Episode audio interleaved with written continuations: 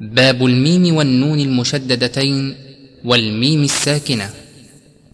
وأظهر الغنات من نون ومن ميم إذا ما شددا وأخفيا.